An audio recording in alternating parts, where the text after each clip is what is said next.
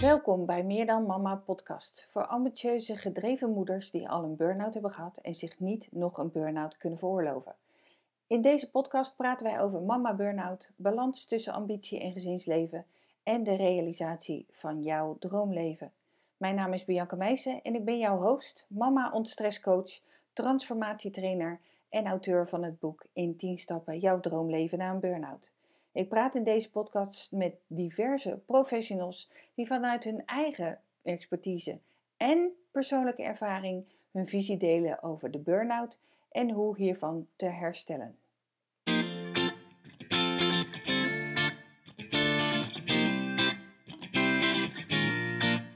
Welkom Barbara Havenit in de podcast Meer dan uh, Mama. Er zijn waarschijnlijk wat luisteraars die zoiets hebben. Wie is Barbara Havenit? Dus het lijkt me heel fijn dat je een klein beetje jezelf uh, uh, voorstelt. Ik ken jou vanuit het boek Hormoonbalans met Ralf Moorman. En we gaan het dan ook vooral hebben over de vrouwelijke hormoonsysteem, hormoononbalans of wat dan ook. Maar ja, wil je een klein beetje vertellen, wie is Barbara? Ja, um, ik ben uh, gynaecoloog. En zelf noem ik het eigenlijk het allerliefst vrouwenarts. Dat betekent hetzelfde. Ja. De connotatie is anders. Ik vind ja. vrouwenarts klinken als een dokter voor heel de vrouw. Ja. En gynaecoloog een beetje de dokter voor de onderdelen. en ik wil heel graag een arts zijn voor vrouwen in hun geheel. Ja. En iets waar ik ja, steeds meer tegenaan liep toen ik in het ziekenhuis werkte, is van nou, we splitsen patiënten, in een ziekenhuis komen patiënten, op in onderdelen. Ja. Dus, oké, iemand heeft buikpijn. Nou, wat hebben we daar allemaal zo aan? Darmen. Nou, dat is voor de maag-darm-leverarts. Uh, een blaas, dat is voor de uroloog. Een internist eventueel, ook voor darmen. Ja. Uh, dan heb je nog een baarmoeder en eierstok. Oh, dat is voor de gynaecoloog. en hè, dan een vrouw met buikpijn kan zo bij drie specialisten terecht. En ze zijn allemaal heel knap in zeggen: nee, het is niet op mijn vakgebied. En dan kan het eind van het liedje zijn dat je met buikpijn naar huis gaat. En het is, het is niet gevonden wat het wel is. Ja. En ja, het, het, het stuitte mij tegen de borst, omdat ik echt zo het gevoel had, zo help ik vrouwen. Hè, in, hè, als gynaecoloog zie je natuurlijk overwegend vrouwen gewoon niet goed. En uh, ik ben me steeds meer gaan verdiepen in iets wat nu functionele geneeskunde genoemd wordt. Dus echt kijken naar ja, hoe werken organen samen? Waarom is ergens pijn? Waarom is ergens ontsteking? Wat is de achtergrond? Ja, en ik kom maar echt steeds meer op uit. Ik heb heel veel opleidingen gevolgd, maar ook door echt dit elke dag in de praktijk zo te bekijken. Dat heel veel klachten voortkomen uit ofwel een stresssysteem wat in onbalans is, of een immuunsysteem wat overbelast wordt. En allebei kunnen zorgen voor onbalans in je hormoonhuishouding. En dat kan ook weer leiden tot bijvoorbeeld burn-out klachten. Ja. En dus, ja, dan lijkt het heel simpel wat ik doe. Het is iets ingewikkelder, maar dit is in een nutshell. Ja. Kijken naar heel de vrouw, dat is wat ik doe. En proberen vrouwen te helpen veel minder dan door het voorschrijven van een medicijn of bijvoorbeeld de pil of een hormoonspiraal. Kijk ik van, ja, wat is nu de echte achtergrond van het probleem? En ik probeer vrouwen te helpen door hen te informeren wat ze zelf kunnen doen. Heel vaak zit dat in voeding, in de omgang met stress. Het kan zitten in uh, nou ja, hoe, hoe, makkelijk je kunt ontspannen. Hè? Dus bijvoorbeeld de body-mind technieken het kan hem ook zitten in je dag-nachtritme. Het kan hem zitten in de blootstelling aan hormoonverstorende stoffen bijvoorbeeld. En op die manier kun je als vrouw, als mens, weer ontzettend veel vat krijgen op wat je gezondheid beïnvloedt. Ja. En uh, het is lang niet altijd nodig om pillen te slikken.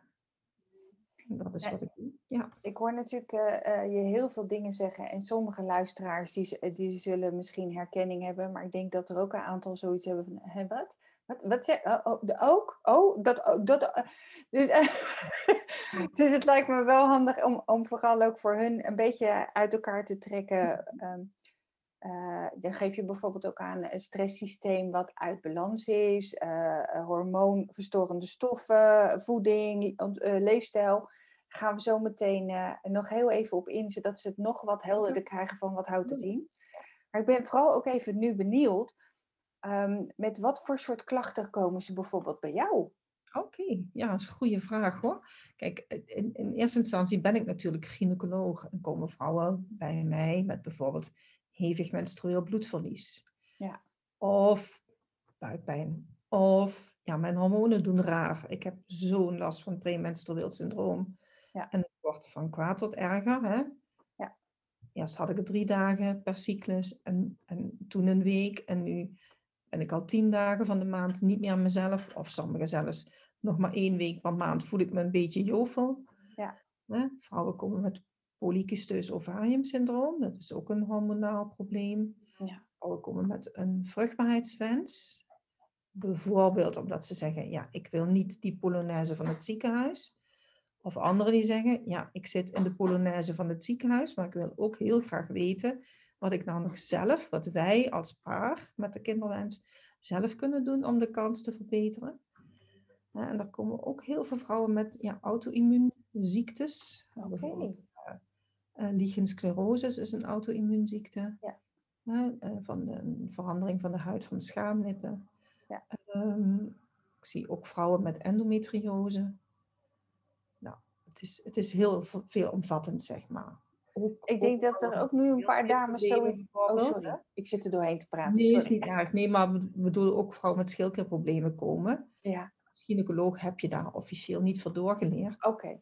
Maar omdat er zo'n samenhang is met vrouwelijke hormonen en met bijnierhormonen, en ik dus naar het geheel kijk, heb ik me daar intussen ook behoorlijk in bekwaamd en kan ik veel vrouwen goed op weg helpen. Ja. ja. ja. De, de, de, gedachte die even door me heen ging van, uh, je vertelt natuurlijk best wel veel uh, ziekbeelden waar, waar mensen dan bij, bij komen. En, en, dan kan ik me zo voorstellen dat de luisteraar zoiets hebt van, en hoe kan ik dat opvoeden met vangen, voeding dan? Ja. ja, dat is een hele goede vraag. Vaak, vaak heel veel. Kijk, ja. Ja. Uh, ja, voeding is wat je lijf onderhoudt. En als je ja, junk eet, heel veel suiker, heel veel bewerkt, wat eigenlijk normaal is bij ons in het Westen. En ja, zelfs schijf van vijf is wat dat betreft bepaald niet, niet vlekkeloos. Ja, hoe kan je lijf nou goed werken als je er rotzooi in stopt? Ja, het klinkt logisch en toch doen we het. Ja, en toch doen we het. En toch kan je nog gemakkelijk naar een uh, huisarts of een andere dokter, een specialist voor een consult. En wordt er nooit gevraagd van, goh, hoe vaak op een dag eet je eigenlijk? Ja. Uh, eet je groenten? Hoe vaak per dag? En hoeveel? En hoeveel? En eet je dierlijke producten? bijvoorbeeld, heel veel vrouwen eten veganistisch en voeden zich met de meuk van de vegetarische slager. Oh, hou op. Zwaar bewerkt. En ja, komen toch dingen tekort. Ja. Hè? Kan, hè? Ik ben, niet, ja. ik ben niet tegen vegetarisch hoor, echt niet. Maar ja, er worden behoorlijke miskleunen gemaakt in hoe we ons voeden. Ja. En ja, zelfs het voedingscentrum vindt zes keer per dag eten helemaal prima. En dan hoor je op tv, ja, een diëtist zeggen, ja, je moet je metabolisme op gang krijgen met een ontbijt. En tussendoor moet je blijven verbranden, dus je moet blijven eten. Het zijn allemaal zulke bijzondere meningen. En ja, we denken, oh, het is een diëtist, die heeft ervoor doorgeleerd, dus het moet kloppen. Ja. Terwijl er ja, toch al heel veel onderzoek is wat laat zien wat nou wel goed is. Ja. Het is niet heel ingewikkeld hoor. Goede voeding is wat vers en onbewerkt is. Dus de voeding zonder etiketjes in de supermarkt, die kun je veilig eten. Ja. En dat betekent niet dat je alles rauw moet eten, maar dat je het zelf bewerkt. Ja. En uh, hoe meer ingrediënten er op een etiket staan, hoe minder gezond iets wordt. Ja, en, en dus ook um, je immuunsysteem uit balans haalt. Nou, je immuunsysteem krijgt van bewerkte voeding niet de stofjes binnen die nodig zijn voor goede werking. Dat is meer dan vitamines en mineralen, maar het zijn allerlei complexe stoffen die je vooral in groenten en ook in fruit vindt. die hebben dan hele mooie namen, polyfenolen, antioxidanten, salvestrolen, noem ze op. maar die moet je eten. Ja. En ja, onze voeding bevat die stoffen niet meer zoveel. Deels omdat we de bodem uitputten met de moderne landbouw. Uh, deels omdat het heel sterk bewerkt wordt in ja, grote fabrieken. En uh, nou ja, het is lastig om ja, je zo te voeden dat je alle stoffen in voldoende mate binnenkrijgt. Dat kan eigenlijk alleen nog maar door vers en onbewerkt te eten. Ja, en dan hoor je het over voeding natuurlijk best wel veel. Mm-hmm. En uh, ik bedenk me dan ook waar het, uh, waar het vaak scheef loopt, is we weten wel dat we beter verse producten kunnen mm-hmm. gebruiken en kunnen klaarmaken.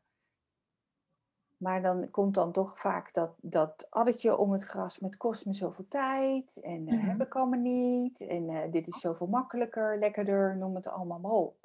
Ja, dat klopt. En ook, ook het, we zijn ook heel erg gewend geraakt aan suikertoevoeging. Ja. En mensen houden heel erg van suiker. Dat is al zo vanaf dat je een baby bent. En moedermelk is zoet. Ja. En de zoete voeding troost. Ja. En uh, ja, het is ook vaak van, ja, maar dat mag ik mezelf gunnen. Ja. Dus het geeft troost, het geeft een weldadig gevoel als je vaak en veel suikers eet. Maar op een gegeven moment kom je in een voedingspatroon waar je misschien wel tien keer op een dag iets aan het eten bent. Soms vanuit gewoonte, maar soms ook omdat je helemaal naraakt, omdat je niet op tijd iets nieuws te eten krijgt. Ik ken volkstammen vrouwen uit mijn praktijk die nooit de deur uitgaan zonder een eh, pakketje sultana's en nog een appel en nog een banaan en nog een uh, notenreep. Omdat ze anders onderweg ontzettend de knoei raken en kortsluiting krijgen in hun brein en lichaam. Omdat er niet op tijd nieuwe suikers binnenkomen. En ja, dat heeft ongelooflijk veel impact op de gezondheid, zo'n voedingspatroon. En je hormonen raken uit balans. Ja. ja. E-, even op de hormonen doorgaand. Um, um, ik informeer natuurlijk ook wel eens mijn, mijn klanten erover. Van kijk ook vooral naar je hormonensysteem. Uh, zorg ervoor dat die wat meer in balans komen. Maar dat klinkt natuurlijk heel makkelijk. Maar wat houdt dat dan concreet in? Mhm. Vooral ook uh, als ik het dan specifiek heb over mijn doelgroep, die dus last heeft van stress of zelfs in de burn-out zit. Wat mhm. houdt dat voor hen in? Hoe, op welke manier zouden ze dat mhm. kunnen doen? Nou, je hebt eigenlijk drie hele belangrijke hormoonsystemen. Je hebt die van de eierstokken, bij mannen testis, maken vrouwelijk hormoon. Eh, als je hormonaal in balans hebt, heb je doorgaans een regelmatige cyclus en heb je niet te veel en niet te langdurig bloedverlies. En is het ook niet te pijnlijk. Dat hoort allemaal niet. Het is niet zo dat een menstruatie volledig zonder enige last moet verlopen, maar het moet gewoon normaal te doen zijn in je normale dagelijkse dingen. Oké. Dat is heel belangrijk. Ja. Een ander hormoonsysteem wat vaak uit balans raakt als je lichaam niet in balans is, dat is je schildklier. Ja. ja? En de schildklier... Voor degene die niet weten, wat, wat doet de schildklier? Ja, schildklier maakt uh, hormoon wat belangrijk is om de stofwisseling aan te zetten. De schildklierhormoon gaat naar je cellen. In de cellen hebben we energiefabriekjes, noem ik het altijd. De mitochondriën. Ja. En het zet mitochondriën aan het werk. Dus dan kan je energie maken. Ja. En als je schildklier het niet goed doet, bijvoorbeeld dat hij te langzaam werkt, dan kun je daardoor heel erg vermoeid raken. Maar dan komen er ook andere klachten, bijvoorbeeld ook haarverlies of een hele droge huid of overgewicht, trage darmen of trage hartslag, zoiets. Um, het kan ook zijn dat je schild te veel te snel werkt. Dan ben je voortdurend heel zweterig en je valt zomaar af. En je bent altijd trillerig en je hebt steeds hartkloppingen. Dat. Ja. En uh, nou ja, een schildklier is een heel belangrijk orgaan wat snel uit balans is. Dus als je hormonen van eierstokken niet in balans zijn, heeft dat vaak wel impact op de schildklier. Als je immuunsysteem niet goed werkt of te hard moet werken, heeft dat vaak invloed op de schildklier. Ja. Dat is wat de schildklier doet. En de schildklier heeft bijvoorbeeld jodium nodig om schildklierhormoon te kunnen maken. En helaas kom ik heel veel vrouwen tegen in mijn praktijk, ik denk zeker de helft, die niet voldoende jodium binnenkrijgen. We hebben in Nederland een hele jodiumarme grond, dus het komt niet uit groenten, of uit vlees, landdieren. Uh, het zuivel, het komt wel uit zee, maar niet het zeezout, wat we vaak denken. Het komt wel uit alles wat leefde in zee. Dus het zit in zeewier en het zit in vis en schaal- en schelpdieren. Ja. Maar dat eten we niet meer zoveel.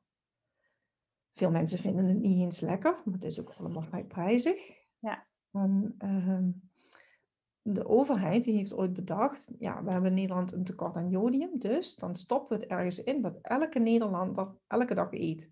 Brood. Ja, dat was een heel goed plan. Maar intussen is het zo dat je, uh, doordat er steeds minder zout in het brood gaat, je wel zes tot zeven sneeën brood op een dag moet eten voor voldoende jodium. Ik ken heel weinig vrouwen die zes tot zeven sneeën brood op een dag eten. Nee, ik krijg ik ook niet eens binnen. Om geen brood te eten. we denken dat het gezonder is om het niet te eten, maar je krijgt wel jodiumgebrek en daardoor soms ook problemen met de schildklier. Ja. En voorheen zat het natuurlijk ook uh, standaard in het zout, maar ook zout zijn we minder gaan gebruiken. Ja, precies. Jozo, hè, daar zit het in. Ja, we worden gewaarschuwd voor zout. Ja. Het is een andere podcast, denk ik, om eens over te hebben of dat wel klopt, dat advies.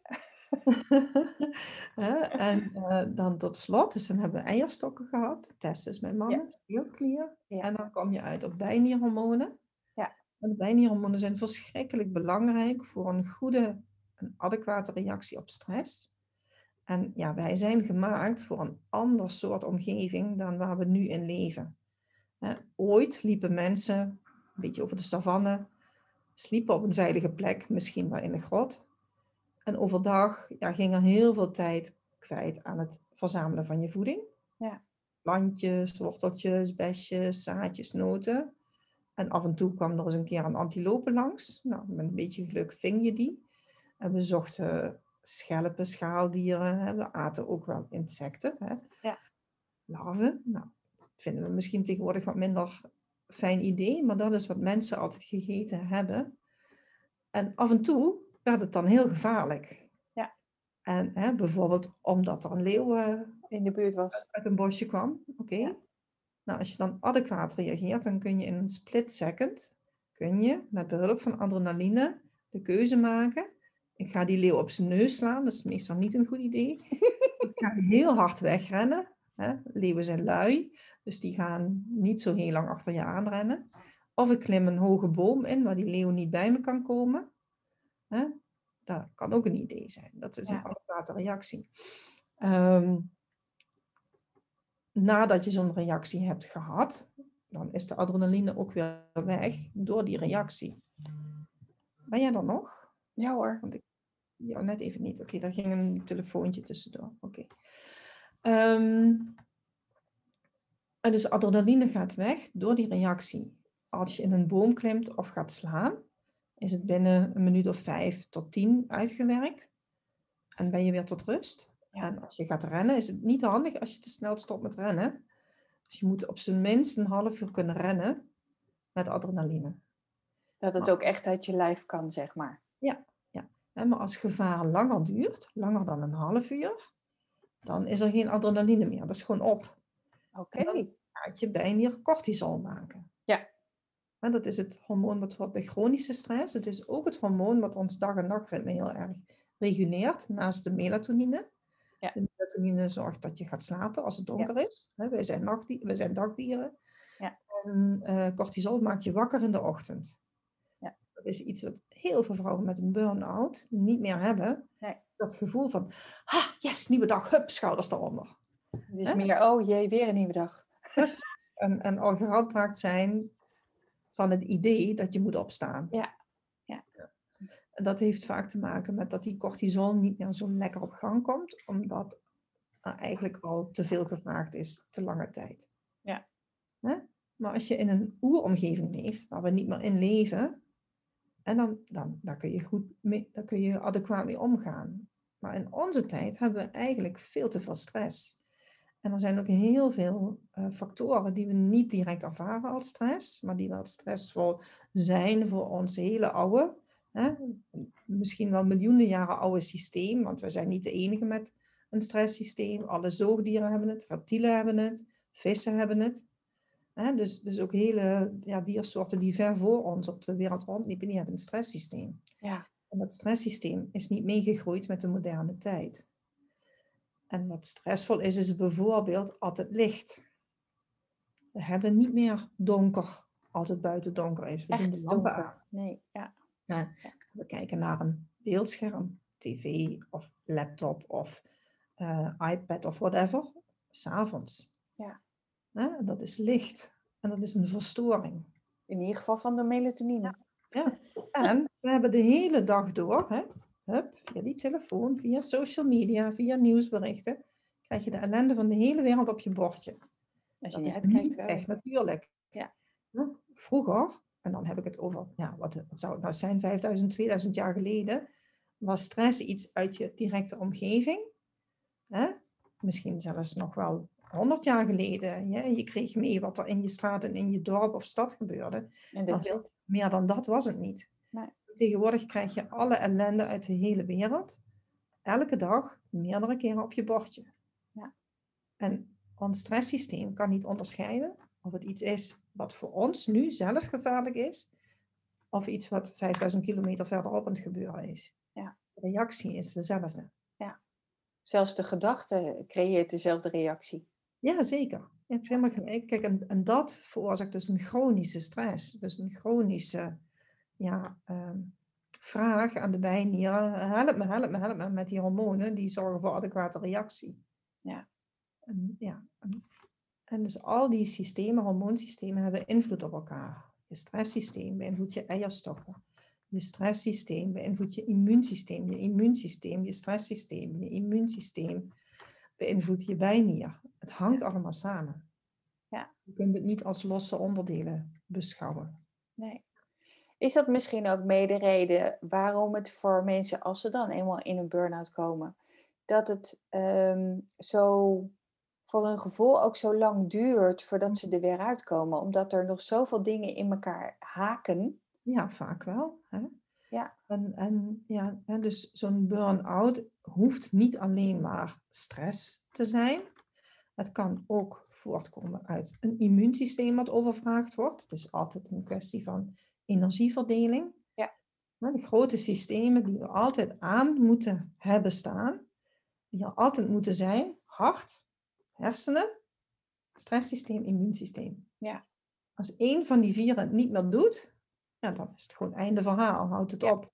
Ja. En als één van die systemen enorm energie overvraagt, dan kunnen andere systemen daardoor in de problemen raken. Ja. En dan ontstaat er ziekte. En dan val je nog niet meteen om, maar hè, het gaat steeds minder makkelijk en steeds moeilijker en steeds meer klachten, steeds meer symptomen. Ja, dat is natuurlijk ook wat je vaak hoort, dat als mensen uiteindelijk de, de burn-out diagnose krijgen, dat ze eigenlijk al jaren daarvoor, klaagje hier, klachtje zus. Het zijn niet van die hele duidelijke, maar het is niet fijn, een beetje hoofdpijn, een beetje last van mijn knieën. eh, eh, maar het wordt wel steeds meer, steeds vaker en steeds langer, Mhm. totdat het lijf op een gegeven moment, zoals ik dan maar zeg, het licht uitdoet. Ja, dus hè, de kruik gaat altijd zo lang te water totdat die barst. En een Ja, precies. een, ja, een behoorlijke barst in je kruik. Ja. Maar dat betekent niet dat het niet te repareren valt. Dat is dan wel weer het goede nieuws. Ja. Ja, precies. Ehm, even kijken. ehm, dus, er ging er net een gedachte door me heen.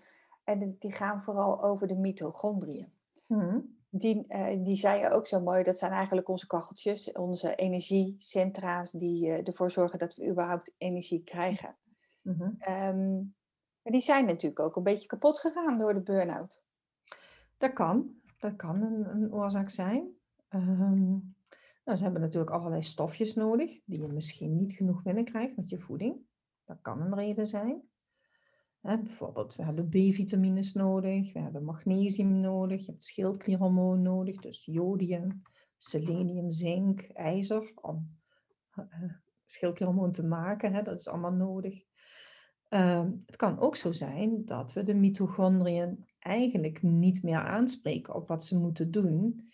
Bijvoorbeeld door een zittende, niet voldoende bewegende le- leefstijl. Oh ja. Je hebt alleen maar mitochondriën als je daadwerkelijk spierarbeid gaat verrichten. Oh, Dus ja. als je alleen maar acht uur per dag achter je bureau hè, zit te zoomen voor je werk, dan ja, is dat onvoldoende om Ja. mitochondriën te onderhouden. Je lijf gaat geen mitochondriën maken als je ze toch niet gebruikt. Nee, nee, nee. En dus dat kan een manier zijn om uit een burn-out te komen. Voorzichtig aan, wel weer gaan trainen. Ja. Nooit meer dan wat je aan kan. Nee. Je moet wel heel langzaam aan je grens weer gaan oprekken. Ja. Dus je moet niet denken, oh ik heb een burn-out, weet je wat, ik ga nu voor de halve marathon trainen. Dat is niet zo'n goed plan. Ja, dat zijn genoeg vrouwen die ik heb zien langskomen die dat wel dachten. Hè? Nee, de alle gevolgen van niet. ja. Ehm, maar eh, ja, in feite kleine beetjes. Hè? Korte krachttraining. Ja. En het is al voldoende. Je hoort altijd die 10.000 stappen. Dat is natuurlijk helemaal fantastisch als je dat haalt. Als je zittend werkt hebt, elk half uur moet je eigenlijk twee minuten staan. Minstens twee minuten staan. En ook echt even je spieren aanzetten. Even bewegen gewoon. Ja, niet, niet alleen maar gewoon bewegen, maar echt kracht. Dus bijvoorbeeld dat je even gaat planken. Oh ja. Hè? Of dat je een squat doet, weet je wel, zitten zonder stoel. Of een wall sit. Ja. Er zijn heel veel oefeningen. Je kan even met een uh, kettlebell gaan zwaaien. Hè? Maar je hoeft er eigenlijk geen extra hulpmiddelen bij. Je kan prima krachttraining doen. Nou, als je met z'n tweeën zit, je werkt met je man samen thuis, even tegen elkaar aanduwen, dat kan ook al. Hè? Maar je kan ook in je eentje prima krachttraining doen. En je hoeft niet altijd op de grond te gaan liggen voor planken. Je kan ook reverse planken op je, op je tafel. Hè? Met, eh, met, eh, met de armen doe je dat. Er zijn heel veel kleine oefeningen. Als het je niet lukt om elk half uur, twee minuten, een korte training in te lassen, omdat je moet zoomen, dan kun je vijf minuten per uur doen. Oh ja. Ook dat is al voldoende. Ja.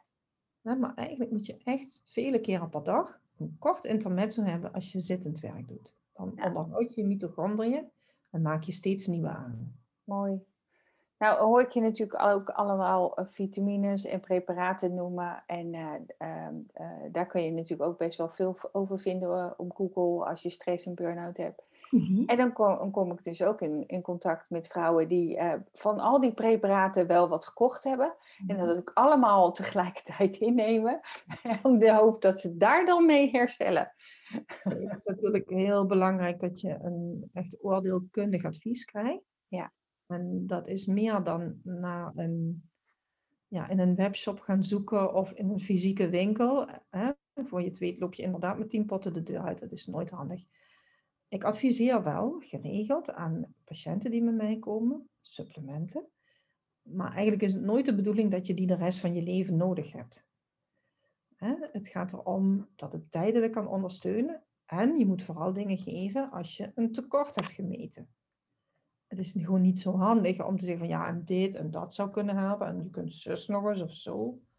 Hè, Er zijn meerdere kruiden die wel eh, kunnen eh herstel bijnierwerking ondersteunen. Ja. Dat is dan ook wetenschappelijk onderbouwd. En dat, dat zijn zogenaamde adaptogene kruiden. Dus het, het weer a- aan laten passen van de bijnier aan wat er nodig is. Ja. Hè, dus zowel een bijnier die te snel werkt als eentje die misschien niet meer adequaat werkt. Hè, die kan herstellen met dat soort kruiden. Ginseng hoort erbij, gember hoort erbij. Ashwagandha is een bekende, rhodiola. Eh, wat heb je nog meer? Ehm, ehm, er, zijn er, er zijn er nog een heel stel hoor. Ehm, adaptogene kruiden. Ja. Er zijn ook kruiden die juist heel erg werken op je autonome zenuwstelsel. Dus dat is datgene wat ehm, werkt zonder dat je daar bewust iets op kan eh, regelen. En je hebt een rempedaal en een gaspedaal, de Ja. sympathicus, de parasympathicus, rempedaal. Ja. En er zijn ook kruiden die daarop werken. Bijvoorbeeld valeriaan is een bekende en salie is een bekende. Ja. En op die manier kun je daadwerkelijk bijnieren ondersteunen. hè. Er zijn ook bepaalde vitamines die kunnen helpen. Maar nogmaals, vraag om advies van een therapeut die ervoor heeft doorgeleerd. Ja. Een arts die ervoor heeft doorgeleerd. Ga niet op eigen houtje van alles en nog wat slikken. Ja. Nee, er En zijn natuurlijk belangrijker dan slikken Ja, allerlei supplementen is in feite de basis. En de basis is voeding, Ja. is dag-nachtritmeherstel. Iets wat heel vaak eh, in de knoop is geraakt bij een burn-out. Dat je overdag wilt slapen en s'nachts niet meer slaapt bijvoorbeeld. S'avonds actiever wordt en Ja. s'morgens eigenlijk doodmoe ben. Ja, maar dat herstel is verschrikkelijk belangrijk. Ja. Ehm, en ja, minder stress, dus minder beeldschermen, mi- minder social media. En het is in feite ook ja, toxisch wat er dan gebeurt, maar ook toxines uit de omgeving proberen te mijden. Hè, er zijn ook allerlei stofjes die niet gunstig zijn voor ons. Ja, dat was natuurlijk wat je er net ook zei, hè? Van die hormoon eh, eh, verstorrende stoffen. Ja, zeker. Ja. Want eh, weet het, de, de voornaamste die ik ken, en misschien ook wel een aantal van mijn le- lezers, zijn eigenlijk ehm, de weekmakers in plastic.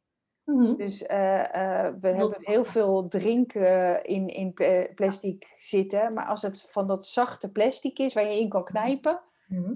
Daar zitten dus juist van die verstorende stoffen in. Zeker. En die zitten bijvoorbeeld ook aan de binnenkant van een kartonnen eh, drankenpak. Hè, daar zit ook een plastic laagje. Ja. Een plastic laagje zit ook aan de binnenkant van blik. En het zit bijvoorbeeld in, in eh kassabonnetjes. Die, Oh.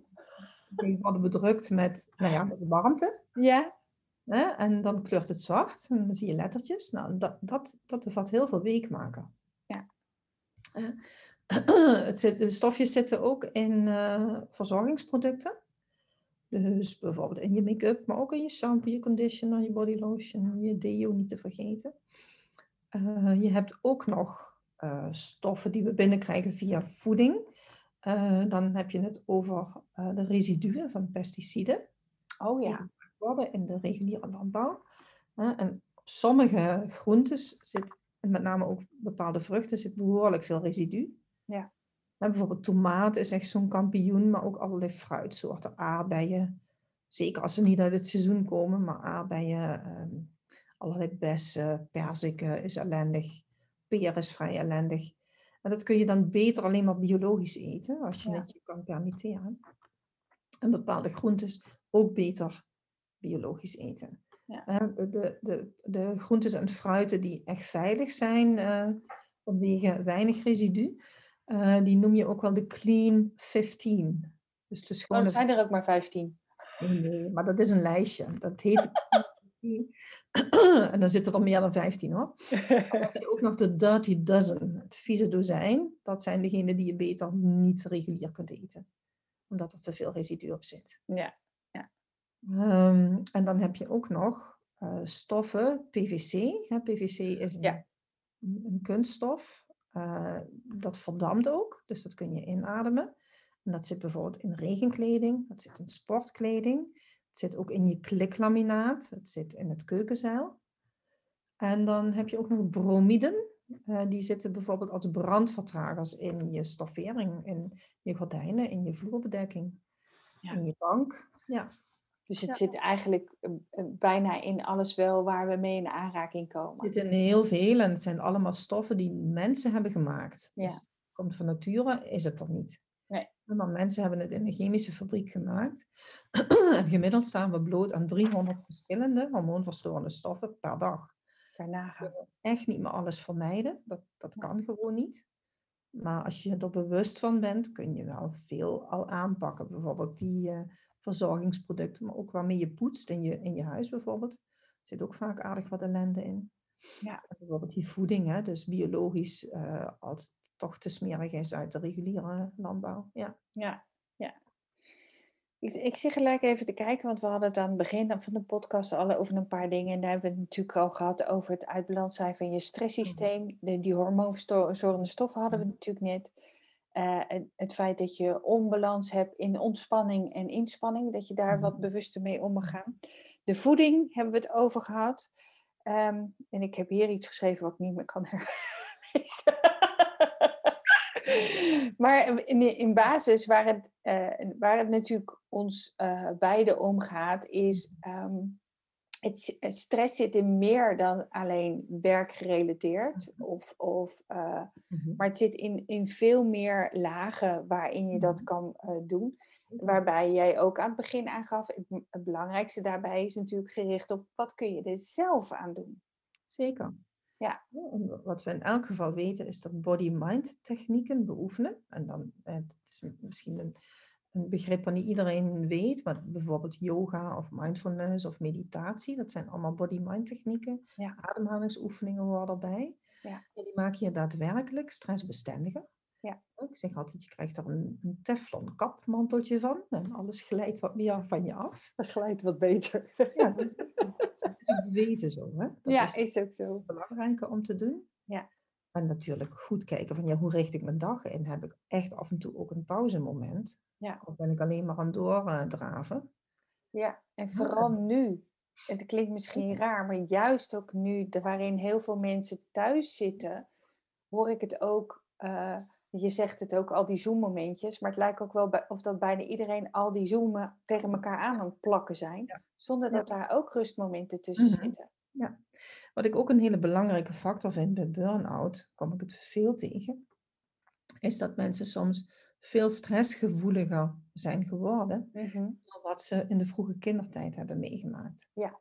Dat kan al beginnen in bijvoorbeeld zwangerschapscomplicatie, toen je moeder in verwachting van je was, maar bijvoorbeeld ook stress die de moeder ervaren heeft in die tijd.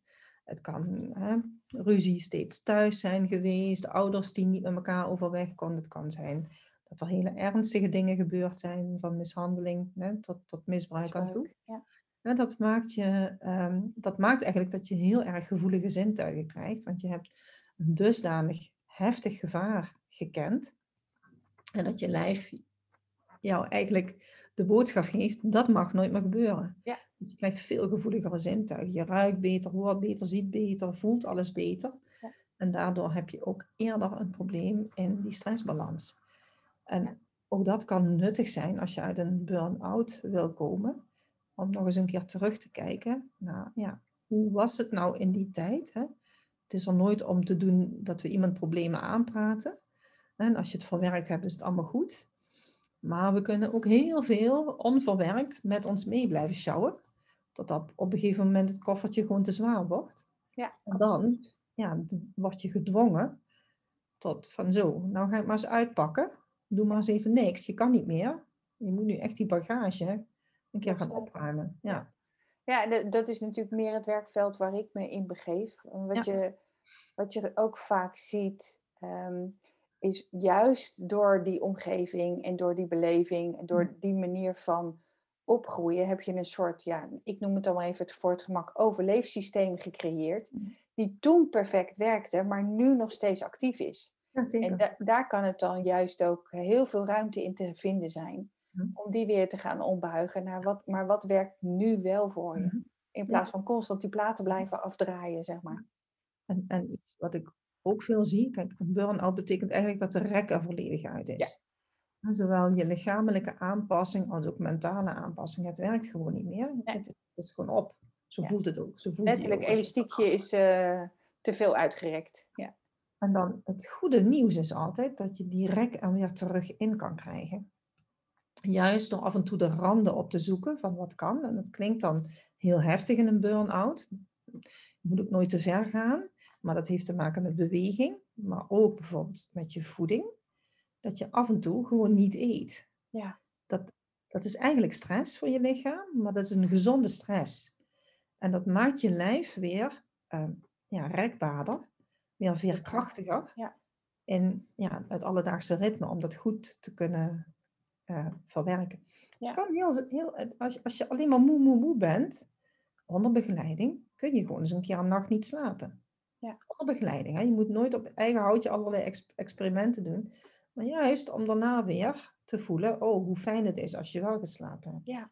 Je kunt een keer eh, heel erg de kou gaan opzoeken. Dat is wat de Iceman doet, hè? Ja. Wim Ja. Hof. Eh, ook juist weer met gebruik van die ademtechnieken. Ja, ademhalingsoefening inderdaad. Dat, moet, dat hoort er absoluut bij. Dus ook daar uitdaging in juist te snel ademen, waardoor je veel te veel zuurstof in je bloed krijgt. Maar ook een tijdje niet ademen. Niet heel lang, hè? een minuut niet ademen.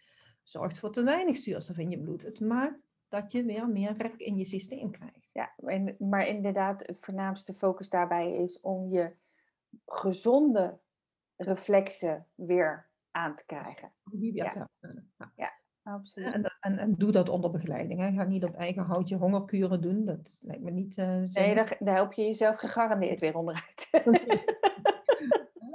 maar zo'n concept dat heet intermittent living of intermitterend leven. Ja. Dat kan heel veel mensen er toch ook wel weer bovenop helpen. Ja. ja. Maar inderdaad, het belangrijkste keyword hierbij is toch wel onder begeleiding. Zeker. Ja. ja. Super. Nou, ik denk dat we hiermee al heel veel uh, informatie gegeven hebben aan, uh, aan de luisteraars van de Meer dan Mama podcast. Ja. Over hormonen, over alle verschillende mhm. mogelijkheden waarin je je balans weer wat meer terug kan krijgen. Mhm. Je hebt natuurlijk ook een boek geschreven, uh, het hormoonbalans. Dus als ze nog meer willen weten, en vooral hormoonbalans voor vrouwen, heel specifiek. Waar ook allerlei klachten in staan, uh, als overgangsklachten, uh, pijnbevrijen, vruchtbaarheidsproblemen, pijnlijke borsten, nou, noem het maar op, staat mm erin. Het is bijna 40 klachten, geloof ik, die benoemd worden. Maar dan voornamelijk ook gericht op de natuurlijke oplossingen daarvoor. Precies. Hè? Ook als je met zo'n klacht naar de dokter gaat, wat die erover te zeggen heeft. Of wat hij zou kunnen bieden. Maar ja, het ook wat je zelf kan doen, zeker. Ja. Zeker. En stel dat je je herkent in klachten en denkt van ja, hè, ik was al een keer bij de gynaecoloog, ik kom niet verder dan een recept voor de pil, maar ik wil het anders. Je kan me vinden bij www.hormoonpoly.nl. Precies, hormoonpoly.nl.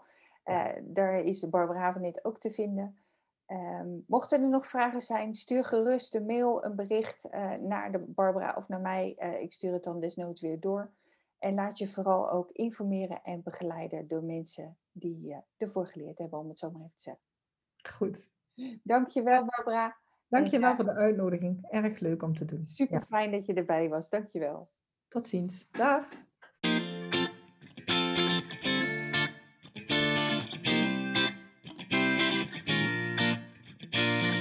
Hiermee komen we aan het einde van deze Meer dan Mama podcast met Barbara Havenit, vrouwenarts, te vinden op hormoonpoly.nl en haar boek Hormoonbalans voor vrouwen, wat ze geschreven heeft samen met Ralf Moorman. Vooral over allerlei informatie van je lichamelijke systemen, je hormoonbalans, maar vooral ook wat kun je er zelf aan doen. Heb je hulp nodig? Heb je adviezen nodig? Schroom niet om uh, met Barbara in contact te komen op hormoonpoly.nl of mij een berichtje te sturen op info.meerdanmama.nl.